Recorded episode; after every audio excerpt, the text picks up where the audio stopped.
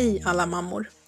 Vi på Babys podcast vill att ni ska veta att ni är precis lika viktiga som era nyfödda barn.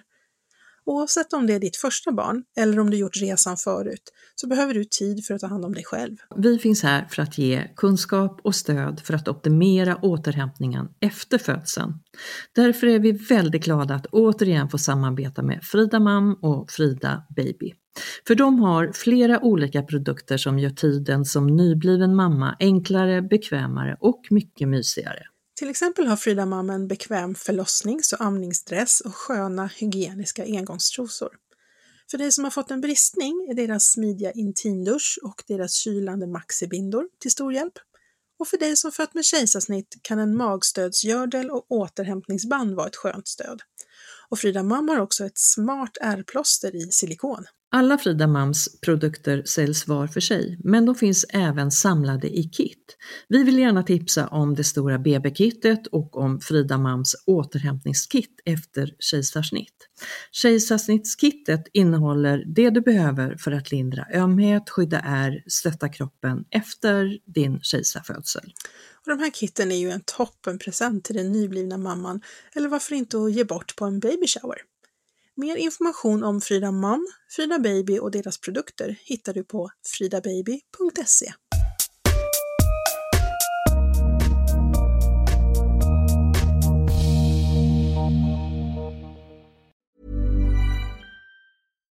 Ni har varit ett fint stöd i lurarna under båda mina graviditeter och under tiden på Spartum. Men även nu i min kliniska roll som fysioterapeut och personlig tränare. Ja, så lyder orden från Energiknippet Benita Jonsson som vi har bjudit in i dagens podd. Och vi vet att är det någon som har gjort stor skillnad för många så är det just Benita. För hon har kraften att inspirera, coacha och ge stöd på individnivå. Men vi ska även prata om känslan många känner igen sig i.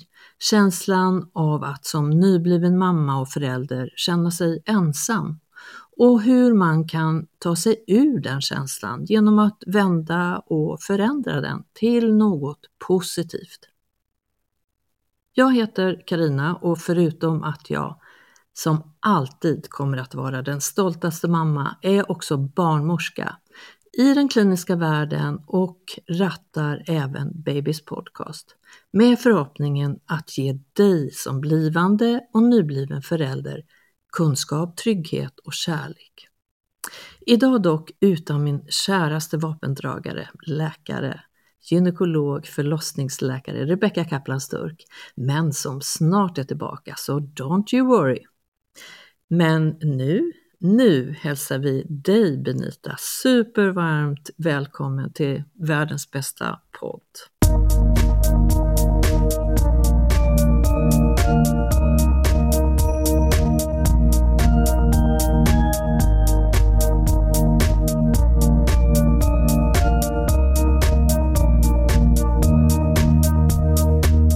Tack snälla och vad roligt att jag får vara med.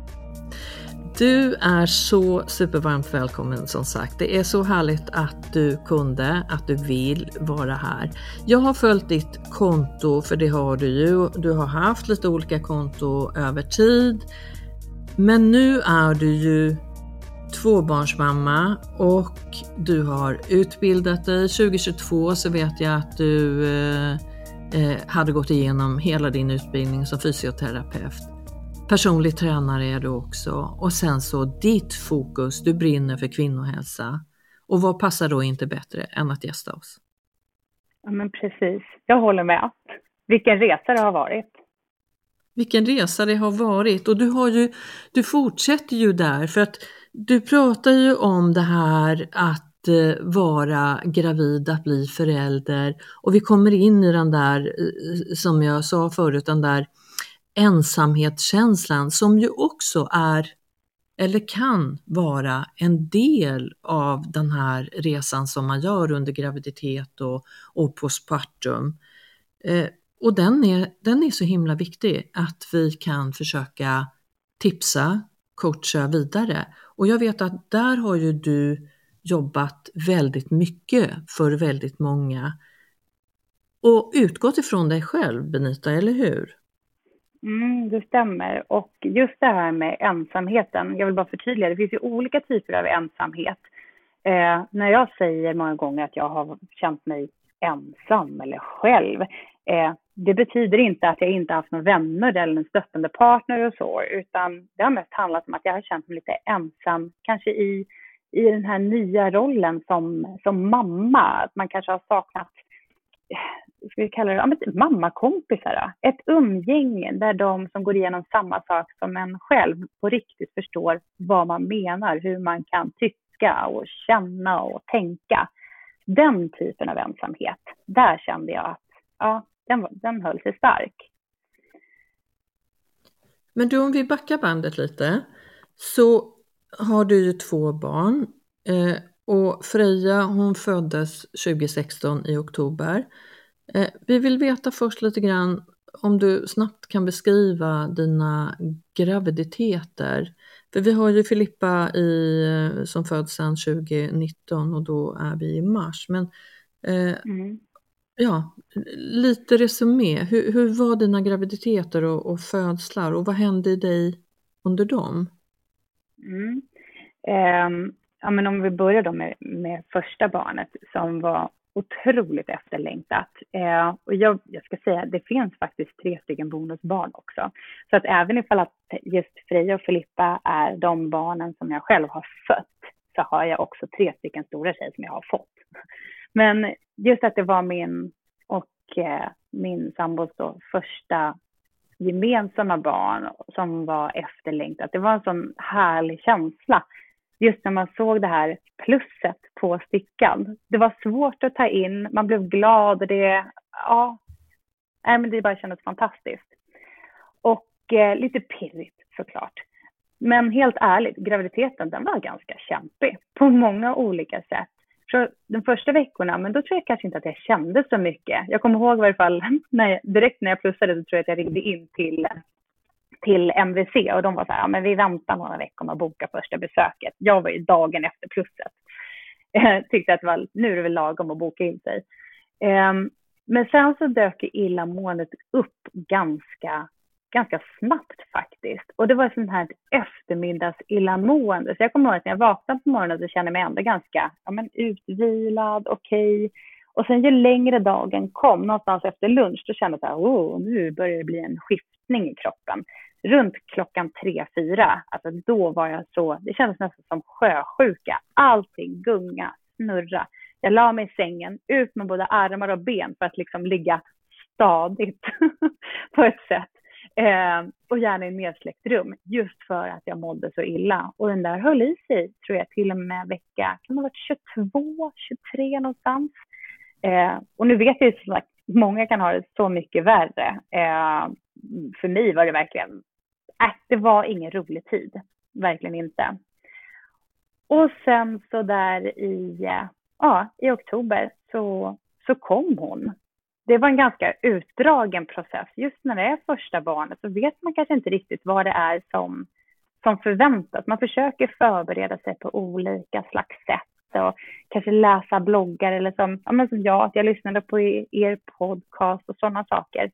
Eh, men sen så går det liksom inte riktigt ändå att förbereda för precis allt. Så när jag tänkte så här, men nu, nu börjar det liksom dra, dra igång. Jag kände att verkarna kom tätare och tätare. Så nu, nu åker vi in.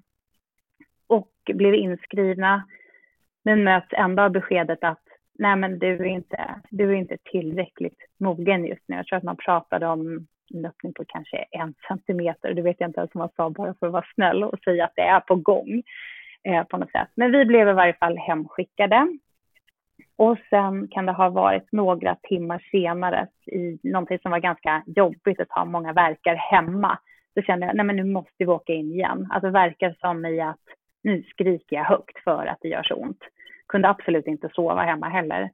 Så åkte vi in, en ny undersökning gjordes eh, och visade bara på ynka tre centimeter. Men att man ändå såg att jag kämpade för hårt för, på egen hand där och att vården ändå tänkte att ja, men vi kommer kunna vara ett stöd. Så vi blev inskrivna. Och sen så till slut så drog väl allting igång rejält. Nu måste jag tänka. Någon gång där på natten mellan torsdagen och fredagen. Så efter ungefär 15 minuters krystvärkar så dök hon upp där tidigt, tidigt en fredag morgon. Och eh, det är en sån konstig känsla av att ha så ont, så otroligt intensivt ont, en eh, smärta som man aldrig någonsin känt förut och sen att allting bara stannar av. Det gör inte ont längre. En förlösande känsla, verkligen. Men hade du någon strategi under den tiden eh, när du, och, och, först och främst, blev du, mm. kände du en besvikelse? För du sa det här ynka tre centimeter och så vidare. Jag tycker man ska se det som, ja men wow, det är ja, tre nej, centimeter. Gud, jag, var, jag, var så, jag var så besviken. Eh, kanske Ja, men kanske lite att jag, eh, eller besviken, det kanske är fel, kanske är fel ord ändå, utan mer så här att jag trodde att det, det hade kommit så mycket längre. Om man eh, drar paralleller till hur själva smärtan faktiskt eh, kändes. Så det tyckte jag var tufft. Och sen var det bara att kämpa sig igenom. Så när vi pratar om strategier, nej jag hade nog inga strategier. Jag, där och då så önskade jag faktiskt att jag på något sätt, här, fanns det något som jag hade kunnat göra för att förbereda mig mer.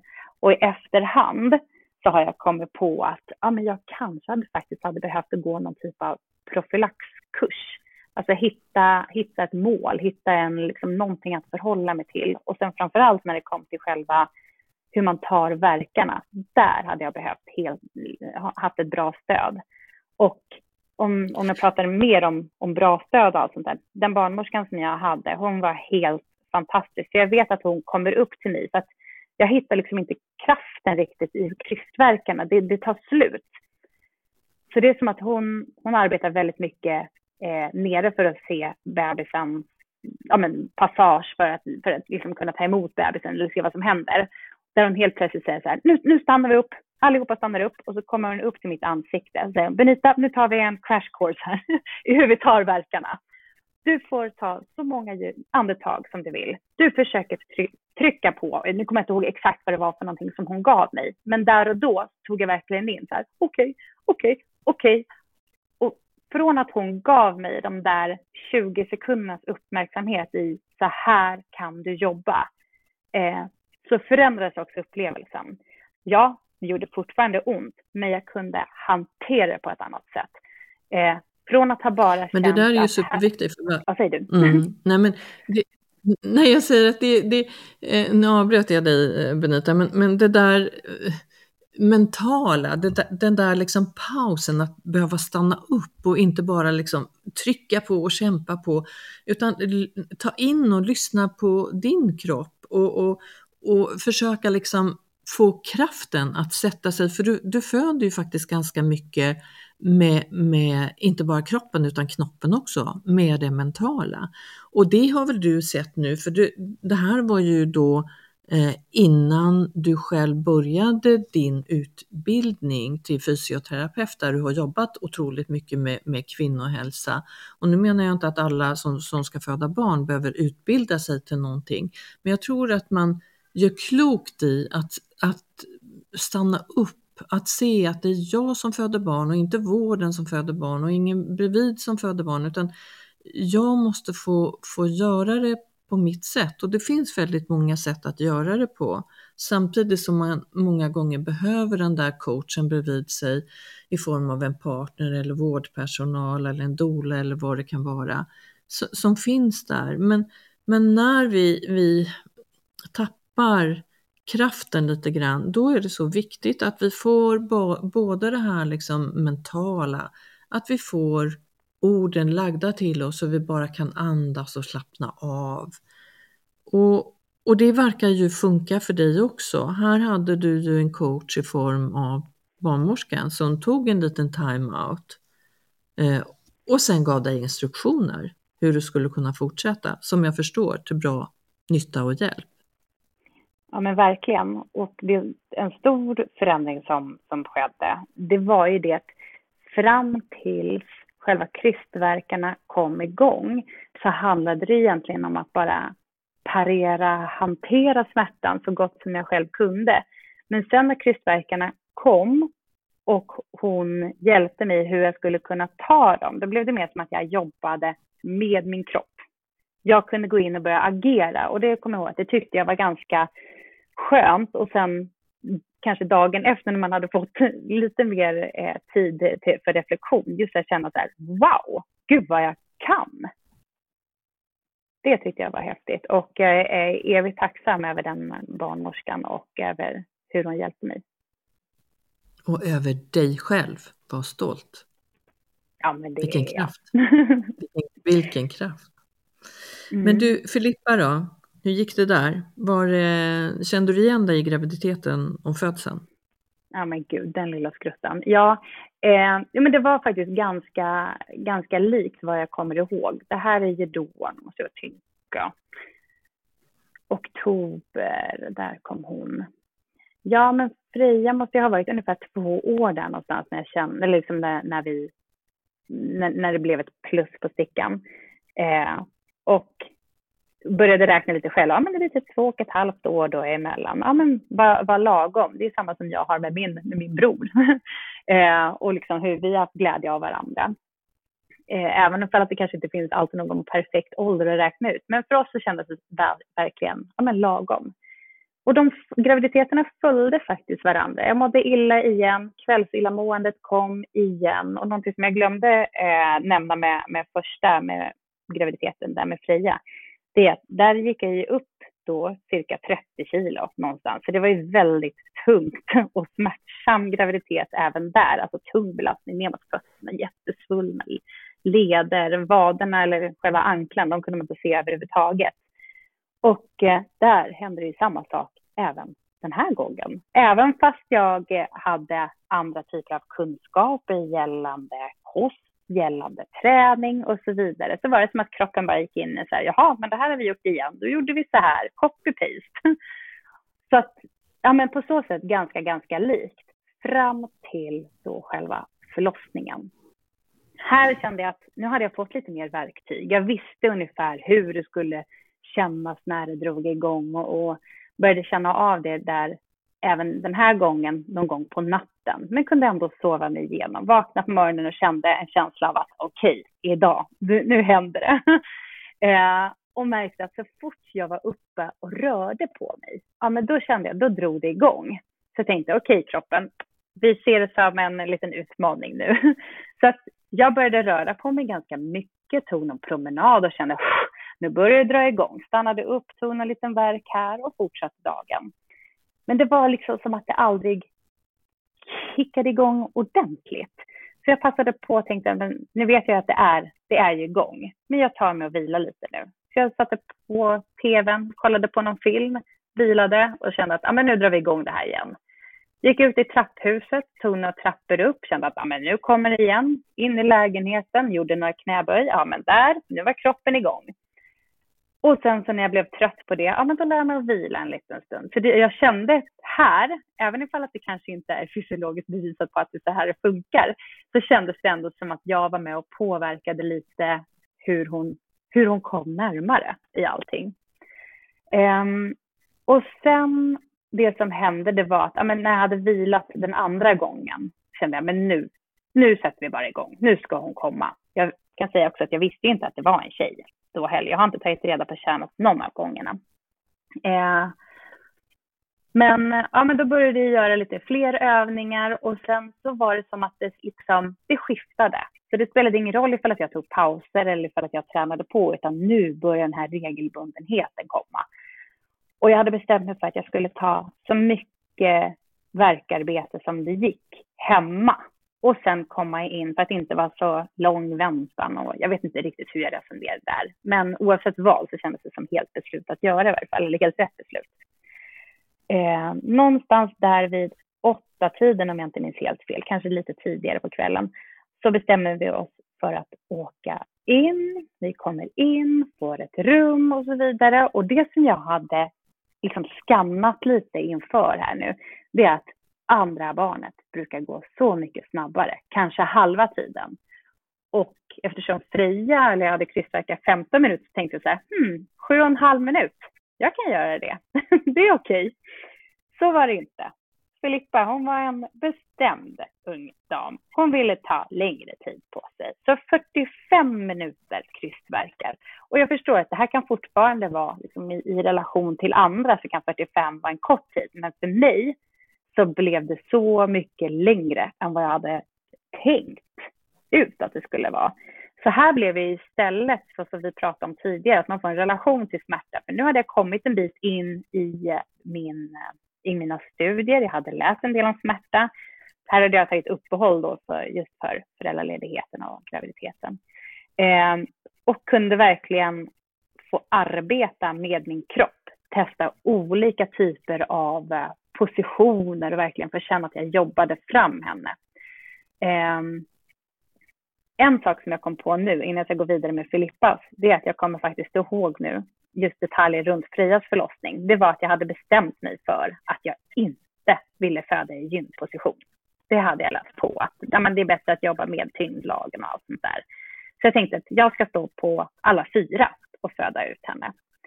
Och sen så är det någonstans mitt i ett eh, sidbyte, jag ligger på sidan och tar verken. Så ska jag flytta över från höger till vänster sida, hamna på rygg och känna bara, nu kommer hon. Och det gjorde hon ju.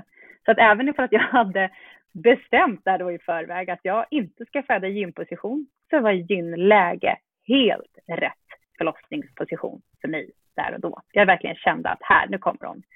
Eh, så med Filippa så fanns ju den här då, graviditet eller bebis 2, att okej, okay, gynläge funkar ju, det vet jag nu, men jag skulle ändå vilja jobba liksom med, med tyngdkraften här igen. Att stå på alla fyra eller kanske föda från sidan eller ja, jobba på.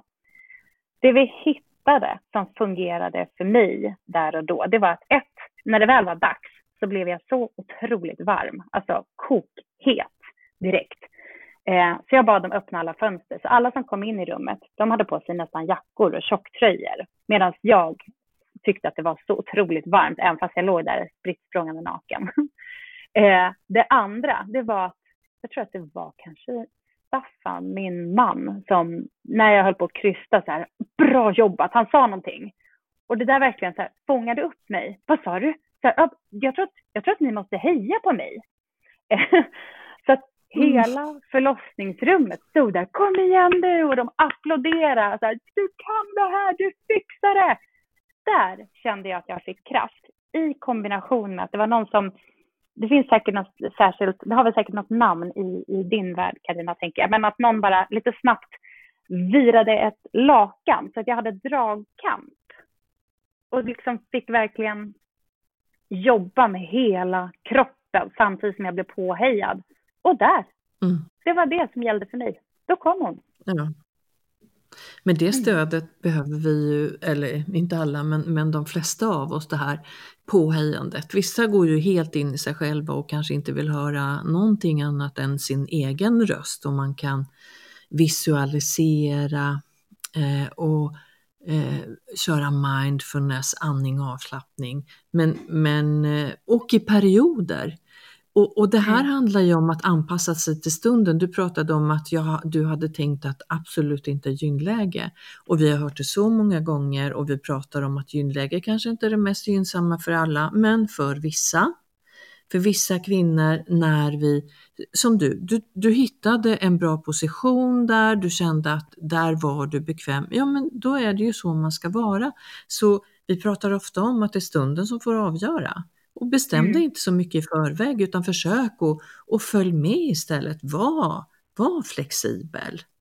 Mm. Vilket fantastiskt jobb! Och så behöver vi den där kören eller de här coacherna som står där liksom och applåderar eller säger att du kan, för vi vet ju att du kan. Ibland så, så, så tar energin slut, om så tillfälligt. Och då behöver vi också höra det, både mentalt och sen för att jag ska kunna jobba fysiskt. För återigen, det hör ihop.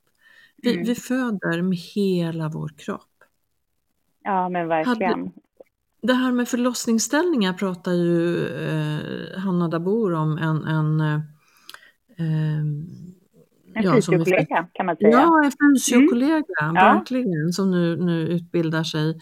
Hon, hon är ju också väldigt inne på kvinnohälsa och utbildar sig till läkare för att jobba med det här på, på läkarnivå. Då. Men när vi mm. pratar med henne om, om förlossningsställningar, hur vi kan tänka vad som är bäst rent fysiologiskt, så säger hon ju den där förändringen, alltså inte att hamna i en, man kan inte säga att en position är bättre än den andra. Alltså det finns ju lite hur bäckenet kan vidga sig något lite mer, men absolut det som gör mest skillnad det är kanske när vi, när vi byter, förändrar mm. och när vi tar med oss andetaget.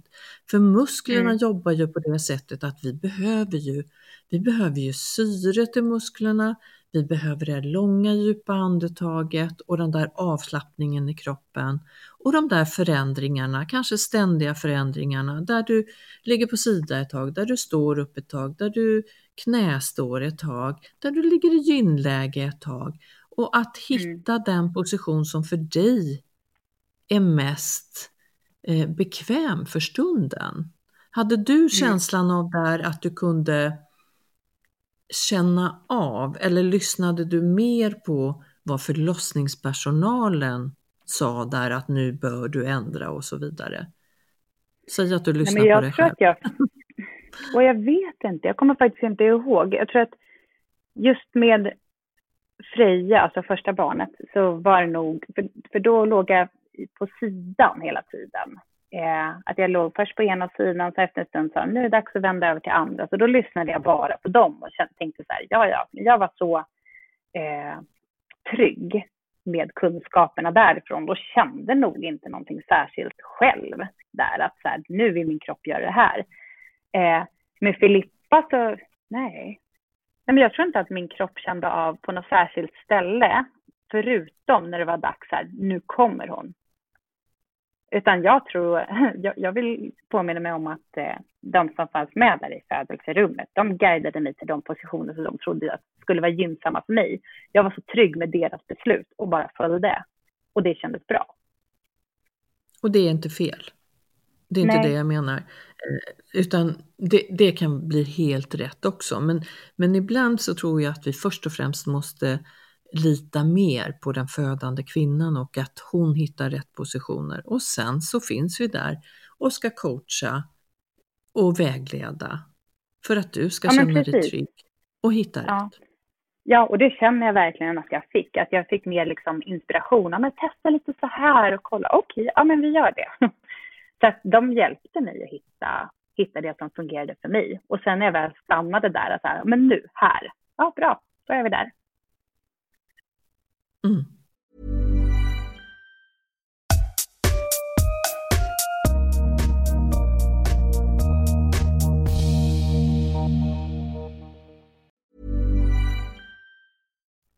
Och nu har du, nu, du har fött Freja och du har fött Filippa och sen har du tre bonustjejer. Mm. Sa du så? Tre stora. Ja. ja. Fem tjejer. Ja. Mm, fem stycken. Fantastiskt. ja, det är ett starkt gäng. Det är ett starkt gäng och du är också väldigt stark Benita. Du, har, eh, du utbildade dig till eh, en ganska lång utbildning till fysioterapeut och har blivit personlig tränare. Och som jag sa, när man eh, hör dig och ser dig så är du verkligen energiknippet som ger så mycket kraft till gravida och födande och till den här tiden på spartum. För den som du inte riktigt kände dig, ja, trygg kanske är fel ord att säga att du inte kände dig trygg, men, men den där ensamheten som du ändå pratade om och, och, och ensamhet som då betyder olika för oss alla, men många känner igen sig i den just när jag har fött barn. Just den här, alltså det är en stor förändring i kroppen. Mm. Kropp och själ förändras ju när vi föder. Eh, och det är ju mycket oxytociner, det är mycket av att vi är trötta på grund av att vi ammar långa stunder eller flaskmatar långa stunder. Vi har barn som är vakna tider då vi själva vill sova. Alltså många, många eh, nyblivna föräldrar är ju utmattade och behöver lite coachning, lite hjälp, lite energi. Och jag vet att du har beskrivit att du själv kände dig lite lost i den där första första tiden. Dels så hade du eh, kommit till, en, till Stockholm där du var relativt ny och kände, kände ingen och så vidare. Men du vände ju det här. Berätta vad det var som hände i dig och vad du gjorde av situationen. Mm. Ja, eh, jag brukar säga det att mitt liv förändrades verkligen under en barnvagnspromenad och det, och det, stämmer, så, det stämmer så väl. Eh, och som du säger, jag var ganska nyinflyttad till Stockholm och eh, kom hit med en, med en liten bebis på ungefär tre månader så flyttade vi in här på Gärdet i Stockholm och jag började utforska, det, utforska den här stan med hjälp av barnvagnen. Hittade den fantastiska Djurgårdsrundan även kallad. Jag visste inte att den kallades för då, utan bara, ja, jag hittade ett vackert ställe att gå på. Och började ta mina promenader där, oftast med en podd i lurarna. Och även ifall att det var mysigt så kunde jag som du säger, så här, känna mig lite ensam. Det var inte så att jag inte hade vänner, det hade jag. Men ingen som bodde här i närheten, ingen som hade en liten bebis eller där jag kände att, jag menar, att vi var på, på samma, liksom, samma plats i livet. Så det är liksom en, en känsla som, som grodde i mig. Den andra biten, det var det här att när man var ute på barnvagnspromenaderna, för att jag har arbetat inom träningsvärlden eh, ganska länge, eller i friskvårdsbranschen. Så att när jag gick på de här promenaderna så kände jag också ett driv av att vilja ja, men, göra lite övningar helt enkelt. Så att jag på min runda så brukar jag tänka, ja, men när jag kommer fram till den där bänken, ja, men då ska jag göra lite armhävningar. Eller när jag kommer till den här stora gräsplätten, där ska jag göra tio stycken knäböj och så vidare. Så jag började bli lite mer aktiv på mina barnvagnspromenader. Och sen så kom den här ensamheten återigen sköljande över mig när man kunde se andra som gick i par ute på samma runda. Ibland så kom de två, tre stycken mammor i följd med små bebisar. Och jag bara kände så här, ser de inte att jag går här och är så ensam? Varför frågar de inte mig om jag vill följa med? Men det är ju ingen som gör, eller hur? Så jag bestämde mig för att jag ska vara den som frågar alla om den vill följa med mig på en barnvagnspromenad. Så att under en veckas tid så hade jag väl ändå tänkt att ja, men jag ska starta upp barnvagnsträning och jag skulle kalla den för aktiv barnvagnspromenad. Så lite mer än den här bara ja, den vanliga barnvagnspromenaden. Här skulle det vara lite snabbare tempo, att man ja, men la in några träningsövningar som var lite snälla mot kroppen. Men att jag då kunde leda dem tillsammans med andra. Så att under en veckas tid så frågade jag varenda mamma som jag mötte ute på Djurgården, berätta vad jag hette, lite grann om min idé. Och så här, vill du komma så får du gärna komma. Jag tänker att vi kan väl mötas vid korsningen Strandvägen, Djurgårdsbron där på måndag klockan 10. Eh, och så hoppas jag att du kommer. så säg att vi kanske pratade med en 20-25 stycken där under veckan och när det väl var dags för den här första promenaden, ja men då tror jag att vi var fyra stycken som, som gick ut som, där ingen av oss kände varandra från början, utan det var bara jag som hade gått fram och presenterat mig. Så vi tog den här träningsrundan tillsammans och efteråt så tror jag att vi gick iväg och åt lunch eller någonting. Men alla var verkligen så här, jaha, men gud, det här var ju superbra. Jag, jag förstod inte riktigt vad det var kanske när du berättade, men det här, jag kommer berätta för mina kompisar, ska du köra igen? Och på den här tiden, eh, där runt 2017, för Freja var då ungefär ett halvår, då var det mycket Facebookgrupper och sånt som gällde. Så att jag startade upp en Facebookgrupp som hette Aktiv barnvagnspromenad. Och den fylldes ganska snabbt på med folk. Och likadant de här promenaderna från fyra till sex till åtta. Jag minns någon gång när vi var 13 och jag kunde liksom inte knappt tro det. Var, alla, var kom alla ifrån? Så det här visade ju bara på att det finns ju någon typ av efterfrågan på en aktivitet som den här. Och under de här promenaderna, så visst, vi promenerade tillsammans och vi tränade. Men utöver det, någonting som var så viktigt, det var ju den här sociala kontakten som man fick tillsammans med de andra. Eh, här kunde man äntligen få prata om de här sakerna som, som man själv kanske kände. Och så öppnade man upp lite grann och så märkte man att den här personen kan ju faktiskt fylla i med exakt samma saker. Att det finns en oro eh, hos dem också eller att de också har frågor, tankar eller ännu finare att man, man delar med sig av några bra tips kanske. Jaha, du tycker att eh, eh, du, det finns ingen bra andningsbehov, men jag gillar den här till exempel. Sådana saker. Eh, men också den här baksidan och vilsenheten, att man, inte, man känner inte igen sig i den här nya kroppen. Man vet inte vad man får eller inte får göra när det kommer till träning. Och, ja, men som jag sa tidigare också, här, man kanske saknar förebilder om men hur gör jag om jag måste amma utomhus? Kan man ens göra det? Går det? Alla de sakerna. Här kände jag att här finns det lite av ett hål där jag tror eller känner att det är något i mitt kall, att här vill jag göra en skillnad. Det här, det här är nog det som jag ska jobba med. Så att under föräldraledigheten så valde jag att säga upp mig från, från mitt fasta trygga jobb där inom träningsbranschen och eh, sätta mig i skolbänken igen för jag ska plugga till fysioterapeut där jag ska jobba med kvinnohälsa. Så två stycken högskoleprov senare så kom jag in på utbildningen och jag kommer ihåg att jag var så glad och verkligen kände så här, nu börjar min resa mot någonting stort. Ja. Och samtidigt Benita, som du, ja men fantastiskt, och, och, samtidigt som du ändå fortsätter med dina aktiva barnvagnspromenader, vecka in och vecka ut. Ja, ja men så är det ju. Um, så att jag började ju plugga där och då blev det ett litet, jag ska säga att under föräldraledigheten så gick jag faktiskt åtta månader varje måndag med de här barnvagnspromenaderna. Eh, och vi fylldes på med många. Jag vet att första säsongen där, som jag kallar det, så var vi nog runt 30 stycken. Alltså det, det jag tror att för, för, för er som, som lyssnar och för dig Karina, man, man, vet ju också att när man möter andra barnvagnar eller när man möter någon på, på en stig eller så, de går två, tre, ibland fyra, så tänker man så här, åh gud vad många det var. Men vi var, kunde vara runt 30 stycken där. Det är lite svårt att ta in. när man, när man möter den där dundrande armén. Eh, men som sagt, det var ju, jag började plugga och eh, när jag går termin tre av sex så, så, bli, så kom ju Filippa. Så att då är jag föräldraledig under ungefär ett år. Och eh, då börjar barnvagnspromenaderna lite mer seriöst igen. Så att vi ses återigen där varje måndag. Och sen så eh, när, när det väl är dags att gå tillbaka till studierna igen. Då kliver vi in i en pandemi, vilket gör att eh, studierna de digitaliseras, men också skapar utrymme för att jag kan fortsätta med barnvagnspromenaden och kombinera den.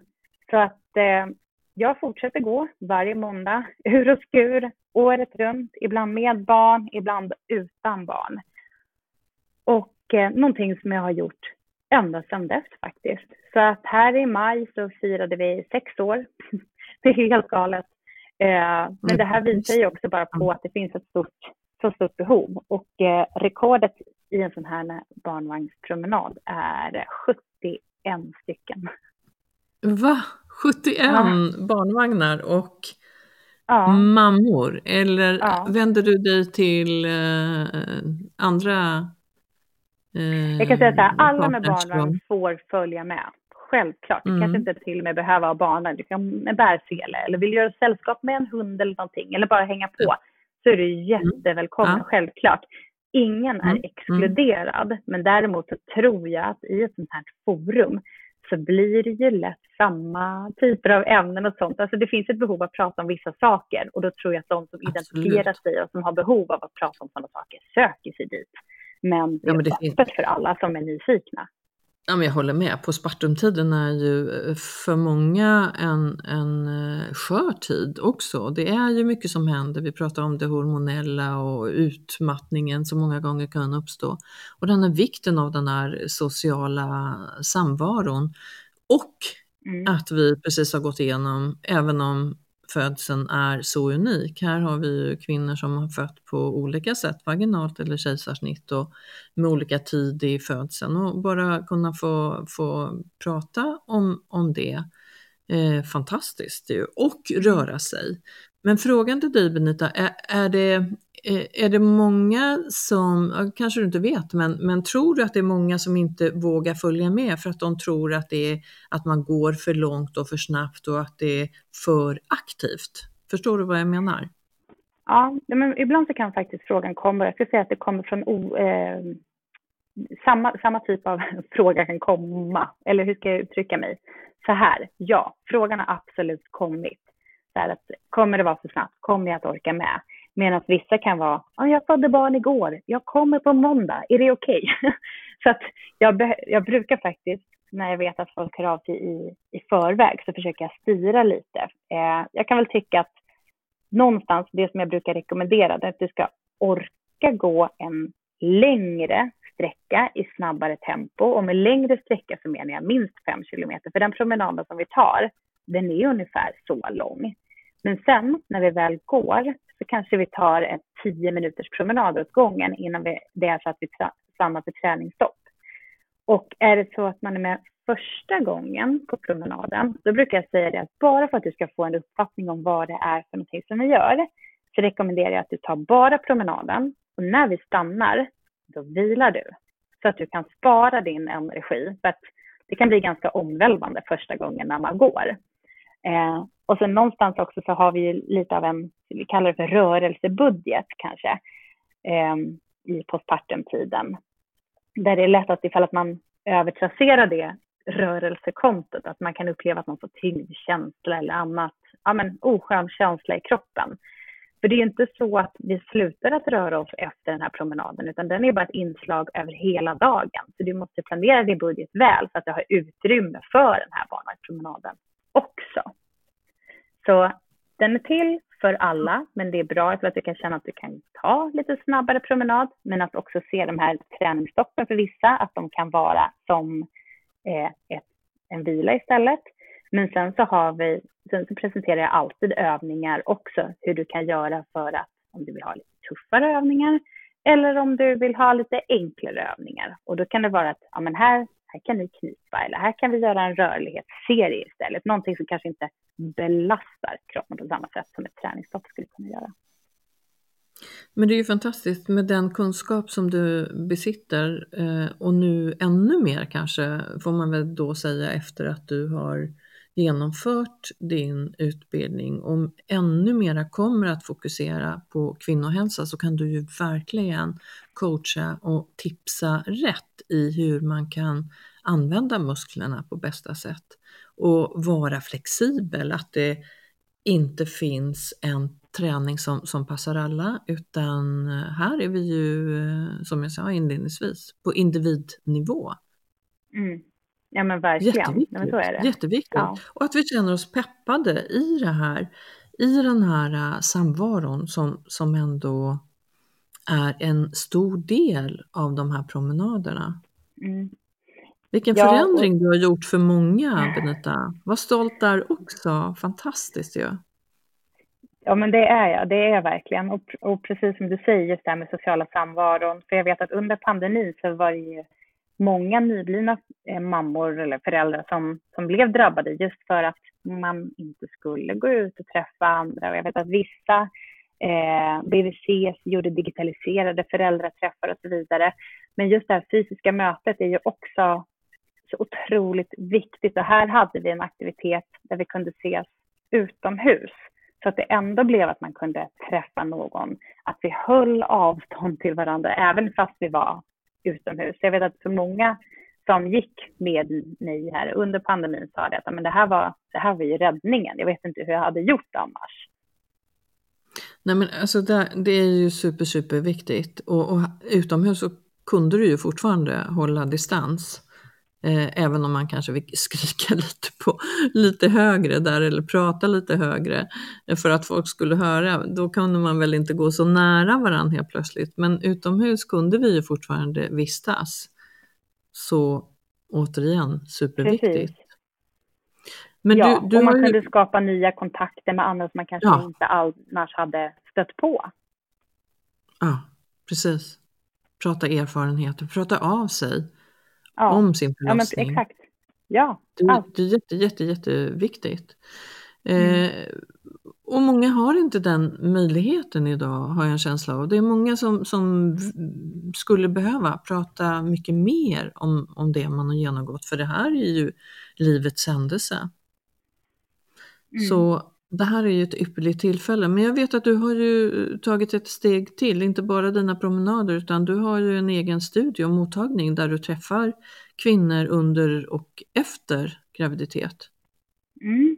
Ja, det stämmer. Eh, där vid barnvagnspromenaden kan man tänka sig att jag gjorde som en...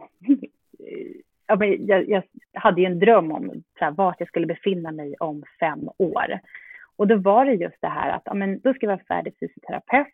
Eh, jag ska ta emot mina PT-klienter i min egna studio och kunna guida i träningen, hjälpa till vid smärttillstånd och så vidare. Och eh, här då, lite mindre än fem år senare från den, eller lite mer, vad blir det? Ja, någonstans där. Eh, nu är jag ju här. Nu jobbar jag verkligen med min dröm. Det som kom från den där första promenaden, att här finns det faktiskt någonting att utforska. Här är jag. Så att det är också en uppmaning till att faktiskt våga lyssna lite grann på, på sina drömmar och kanske våga ja, men, göra de här jobbiga besluten. För att ibland så kan de faktiskt leda till någonting positivt och fint. Och jag har inte ångrat mig en sekund. Ibland kan jag tycka också att det är helt galet att jag får hålla på med det jag gör. Det är så varierat. Eh, även ifall jag jobbar liksom med samma typ av målgrupp och, och till och med ibland samma typ av, eh, vad ska man säga, ja men precis som, som du som, som är med och förlöser barn. Men å andra sidan, det är ingen förlossning som är den andra lik. Man vet ju ungefär hur det kan sluta, vad som kan hända och vilka frågor som brukar dyka upp. Men varje möte är unikt och det känns fantastiskt att få vara med, vara med på, på den resan. Om jag tar till exempel några som jag hade från början här när jag var färdigutbildad eh, både fysio och PT när jag startade upp efter studierna så hade jag några som jag tränade under deras graviditeter. Som här nu under det här året skickar bilder eller vi har fortfarande kontakt när de visar hur sina bebisar när de har fyllt ett. Jag har liksom varit med från början när de var ett frö och hjälpt till och stöttat och guidat. Jag får liksom vara en, en aktiv eh, åskådare i de här människornas liv. Hur häftigt är inte det? Mm, det, är, det är fantastiskt. Det är verkligen mm. fantastiskt. Jag har ju varit barnmorska i så många år så att eh, jag eh, träffar ju ibland 15-åringar ja. som berättar ja. att jag var med på födseln. Ja, det är ju ja, det, det är magiskt. Det är ett ja. härligt yrke.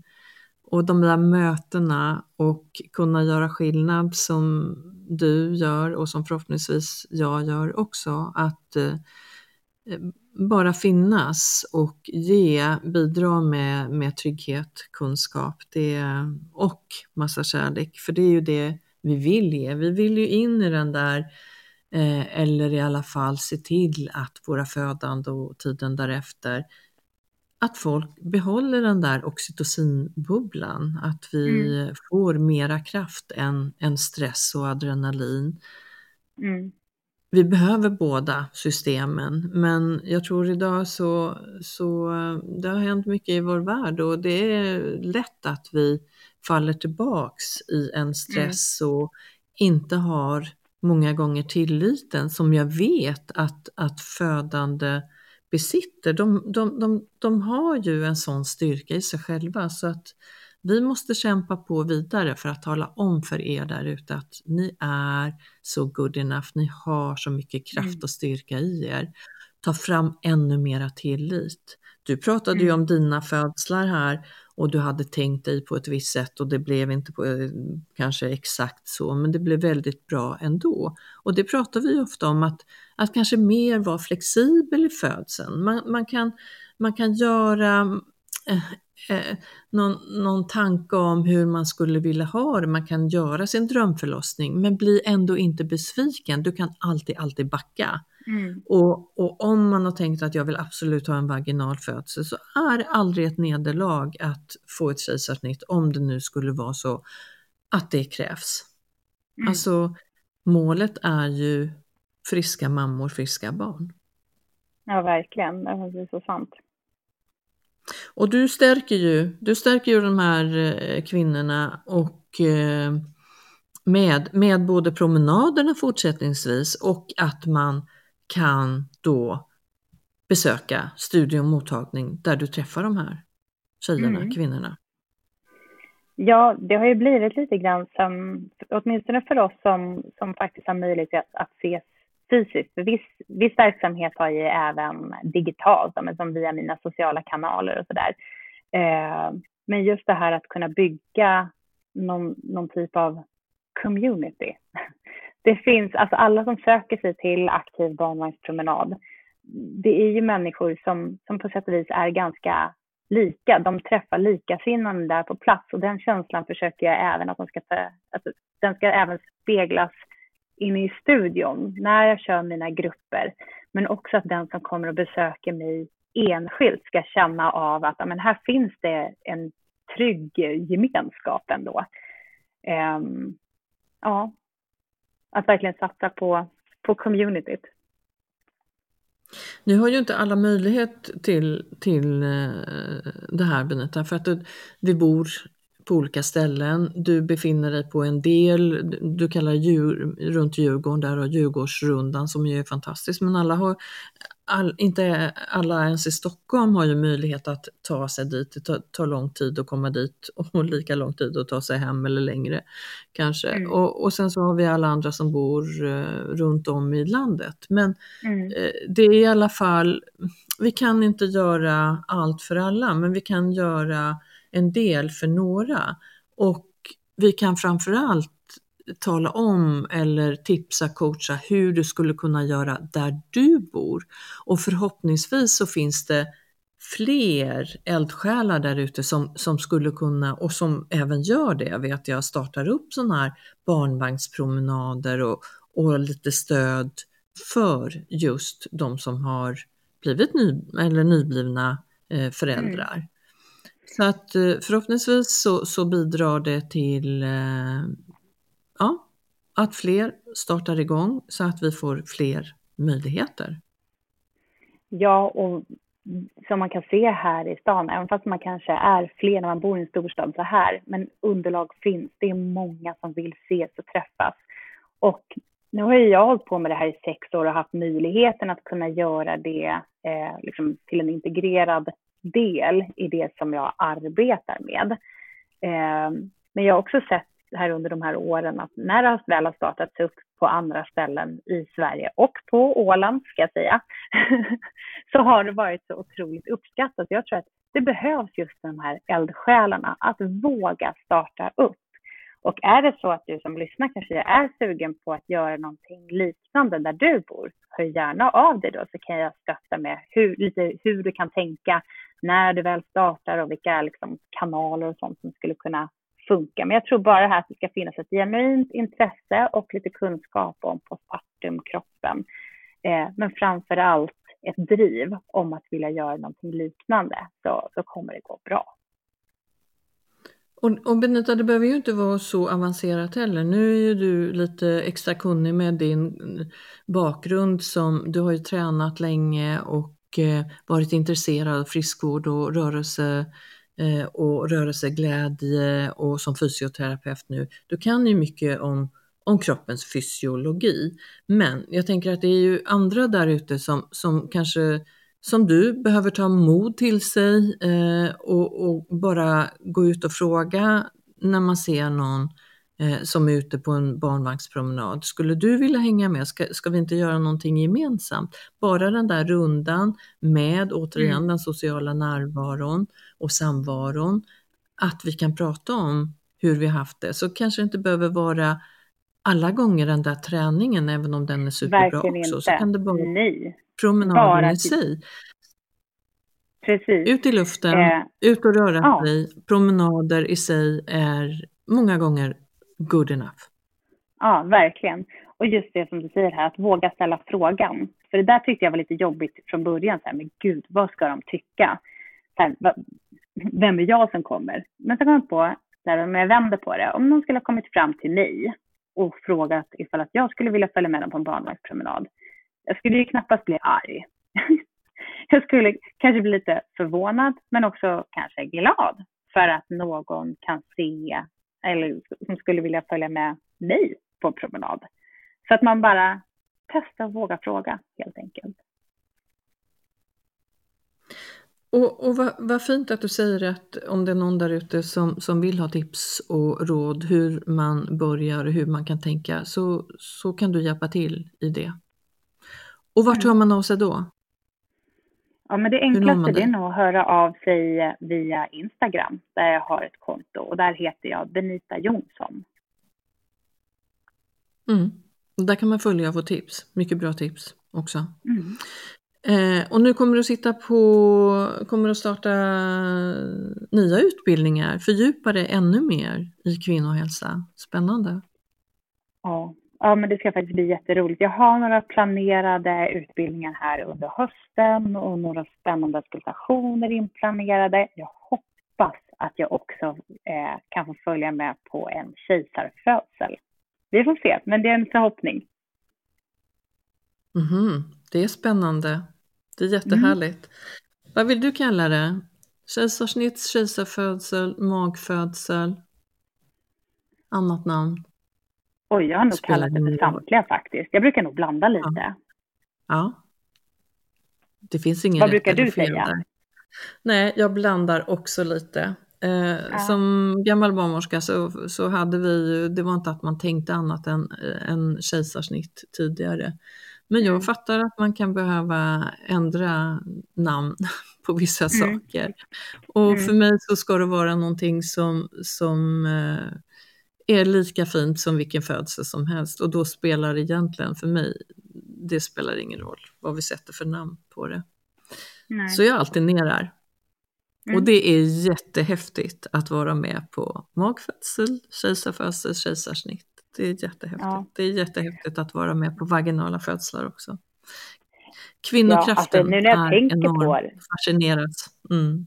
Ja, nu när jag tänker på det har jag ju faktiskt deltagit vid eh, ett kejsarsnitt och det var ju min egna. Inte så mycket att man kommer ihåg från den, men eh, ja. Så båda två finns med där ändå. Så jag kom via kejsarsnitt och mina barn kom vaginalt. Mm. Fantastiskt. Du föddes Mm. med, via kejsarsnitt. Ja, du ser. Ja. Ja, målet är friska kvinnor och friska barn.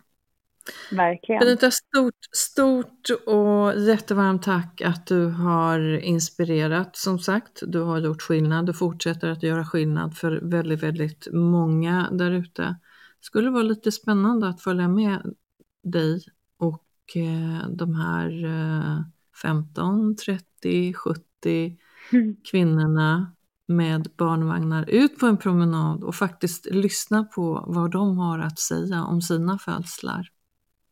Ja, men det Kanske ska är hänga klart vi ska göra det, självklart. Och tack snälla för fina, inspirerande avsnitt som verkligen har varit med och stöttat och peppat, utbildat och eh, ja, tagit mig eh, igenom de här föräldraledigheterna många gånger. Så tack tillbaka. Tack. Men du, vi, eh, vi ses på promenaderna och vi hittar Det på fina vi. saker tillsammans. Vi har, eh, vi har ju mål, både du och jag och Rebecka, med våra jobb och det är ju just den här eh, tryggheten, kunskapen, känslan att vi vill förmedla det som är bäst de födande där ute, vilket ju är olika för oss alla. Eh, Så låt oss samarbeta och se till att det blir så bra som det bara kan bli för alla er där ute. Så Det vi hörs igen Benita. plan. Det gör vi. Lycka till! Lycka till! Tack. Ha det gott! Tack! Detsamma. Och tack, Tack, alla, tack. tack alla ni där ute som har lyssnat på dagens avsnitt. Ett härligt avsnitt med, med Benita Jonsson och hon finns ju då på Instagram där ni kan få mycket uppdaterat och fina tips också. Så häng med henne och häng med oss på Babys Podcast på Instagram och vi hörs snart igen. Och som sagt, don't you worry för Rebecca Kaplan Sturk är tillbaks alldeles strax. Ha det gott, ta väl hand om er. you